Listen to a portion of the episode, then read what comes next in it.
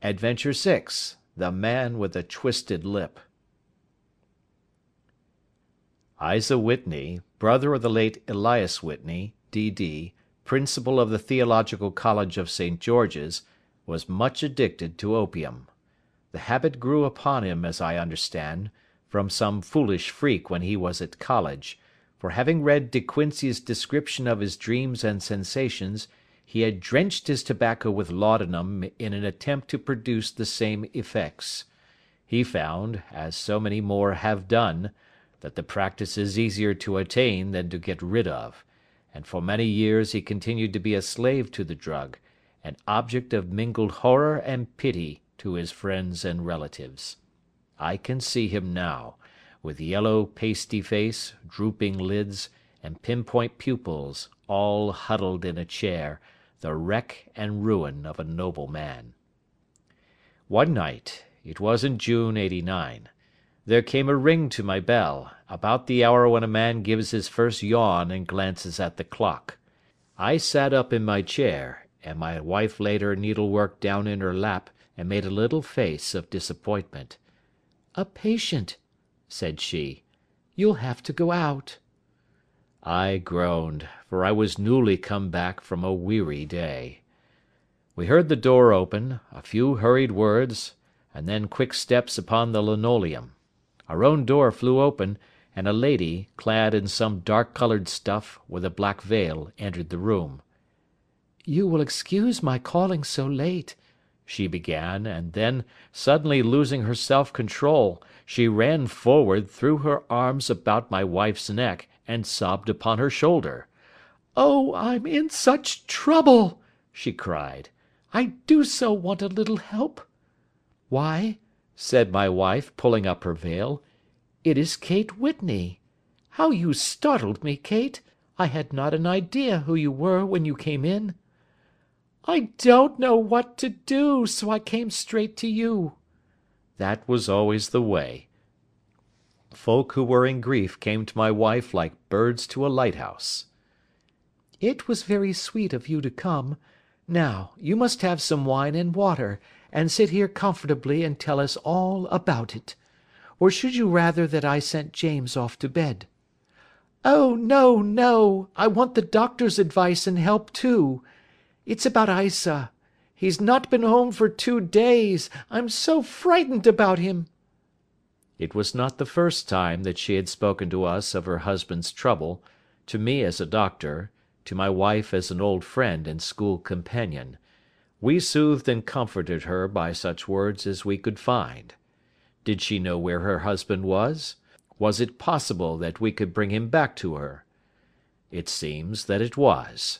She had the surest information that of late he had, when the fit was on him, made use of an opium den in the farthest east of the city. Hitherto his orgies had always been confined to one day, and he had come back twitching and shattered in the evening. But now the spell had been upon him eight and forty hours, and he lay there, doubtless among the dregs of the docks, breathing in the poison or sleeping off the effects. There he was to be found, she was sure of it, at the Bar of Gold, in Upper Swandam Lane. But what was she to do? How could she, a young and timid woman, make her way into such a place and pluck her husband out from among the ruffians who surrounded him? There was the case, and of course there was but one way out of it. Might I not escort her to this place? And then, as a second thought, why should she come at all? I was Isa Whitney's medical adviser, and as such I had influence over him. I could manage it better if I were alone. I promised her on my word that I would send him home in a cab within two hours, if he were indeed at the address which she had given me. And so in ten minutes I had left my armchair and cheery sitting room behind me, and was speeding eastward in a hansom on a strange errand, as it seemed to me at the time though the future only could show how strange it was to be. But there was no great difficulty in the first stage of my adventure.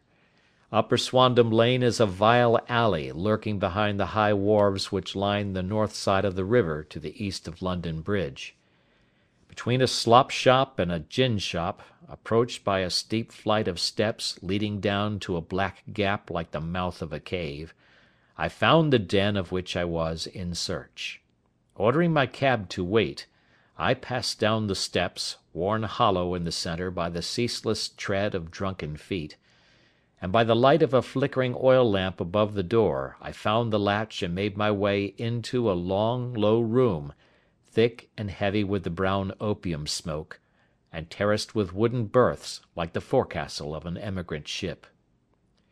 Through the gloom one could dimly catch a glimpse of bodies lying in strange, fantastic poses, bowed shoulders, bent knees, heads thrown back, and chins pointing upward, with here and there a dark, lack lustre eye turned upon the newcomer.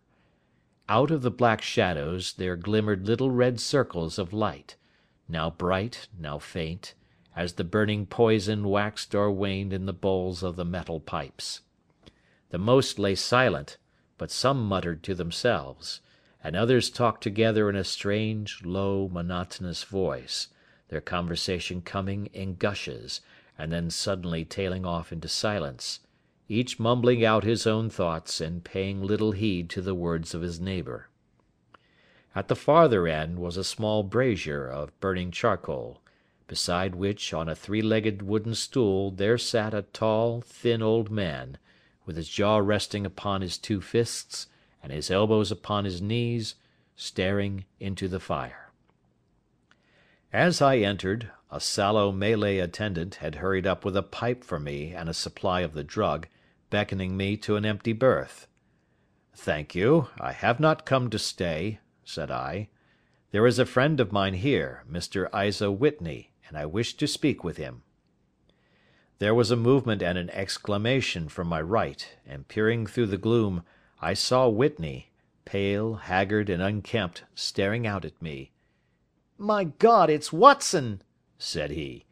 He was in a pitiable state of reaction, with every nerve in a twitter. "I say, Watson, what o'clock is it?" "Nearly eleven." "Of what day?" "Of Friday, June 19th. "Good heavens! I thought it was Wednesday. It is Wednesday. What do you want to frighten a chap for?" He sank his face on to his arms and began to sob in a high treble key. "I tell you that it is Friday, man. Your wife has been waiting this two days for you. You should be ashamed of yourself." "So I am. But you've got mixed, Watson, for I have only been here a few hours. Three pipes four pipes I forget how many. But I'll go home with you. I wouldn't frighten Kate poor little Kate. Give me your hand. Have you a cab?" "Yes, I have one waiting." "Then I shall go in it. But I must owe something. Uh, find what I owe, Watson. I am all off colour. I can do nothing for myself." I walked down the narrow passage between the double row of sleepers holding my breath to keep out the vile, stupefying fumes of the drug, and looking about for the manager. As I passed the tall man who sat by the brazier I felt a sudden pluck at my skirt, and a low voice whispered, "Walk past me, and then look back at me." The words fell quite distinctly upon my ear. I glanced down. They could only have come from the old man at my side and yet he sat now as absorbed as ever, very thin, very wrinkled, bent with age, an opium pipe dangling down from between his knees as though it had dropped in sheer lassitude from his fingers. I took two steps forward and looked back. It took all my self control to prevent me from breaking out into a cry of astonishment. He had turned his back so that none could see him but I. His form had filled out, his wrinkles were gone, the dull eyes had regained their fire, and there, sitting by the fire and grinning at my surprise, was none other than Sherlock Holmes. He made a slight motion to me to approach him, and instantly, as he turned his face half round to the company once more, subsided into a doddering, loose-lipped senility. "Holmes," I whispered, "what on earth are you doing in this den?" "As low as you can," he answered. I have excellent ears. If you would have the great kindness to get rid of that sottish friend of yours, I should be exceedingly glad to have a little talk with you." "I have a cab outside." "Then pray send him home in it. You may safely trust him, for he appears to be too limp to get into any mischief. I should recommend you also to send a note by the cabman to your wife to say that you have thrown in your lot with me. If you will wait outside, I shall be with you in five minutes." It was difficult to refuse any of Sherlock Holmes's requests, for they were always so exceedingly definite, and put forward with such a quiet air of mastery. I felt, however, that when Whitney was once confined in the cab my mission was practically accomplished; and for the rest, I could not wish anything better than to be associated with my friend in one of those singular adventures which were the normal condition of his existence. In a few minutes I had written my note, paid Whitney's bill, led him out to the cab, and seen him driven through the darkness. In a very short time a decrepit figure had emerged from the opium den, and I was walking down the street with Sherlock Holmes. For two streets he shuffled along with a bent back and an uncertain foot. Then, glancing quickly round, he straightened himself out and burst into a hearty fit of laughter. "I suppose, Watson," said he, "that you imagine that I have added opium smoking to cocaine injections and all the other little weaknesses on which you have favoured me with your medical views." "I was certainly surprised to find you there." "But not more so than I to find you." "I came to find a friend." "And I to find an enemy." "An enemy?" "Yes, one of my natural enemies, or, shall I say, my natural prey. Briefly, Watson. I am in the midst of a very remarkable inquiry, and I have hoped to find a clue in the incoherent ramblings of these sots, as I have done before now. Had I been recognised in that den my life would not have been worth an hour's purchase, for I have used it before now for my own purposes, and the rascally Lascar who runs it has sworn to have vengeance upon me. There is a trap door at the back of that building, near the corner of Paul's Wharf which could tell some strange tales of what has passed through it upon the moonless nights." "What! You do not mean bodies?" "Ay, bodies, Watson. We should be rich men if we had £1,000 for every poor devil who has been done to death in that den. It is the vilest murder trap on the whole riverside, and I fear that Neville St. Clair has entered it never to leave it more. But our trap should be here. He put his two forefingers between his teeth and whistled shrilly, a signal which was answered by a similar whistle from the distance, followed shortly by the rattle of wheels and the clink of horses' hoofs. "Now, Watson," said Holmes, as a tall dog cart dashed up through the gloom, throwing out two golden tunnels of yellow light from its side lanterns, "you'll come with me, won't you?" "If I can be of use." Oh, a trusty comrade is always of use, and a chronicler still more so. My room at the Cedars is a double bedded one." "The Cedars?" "Yes. That is Mr. St. Clair's house.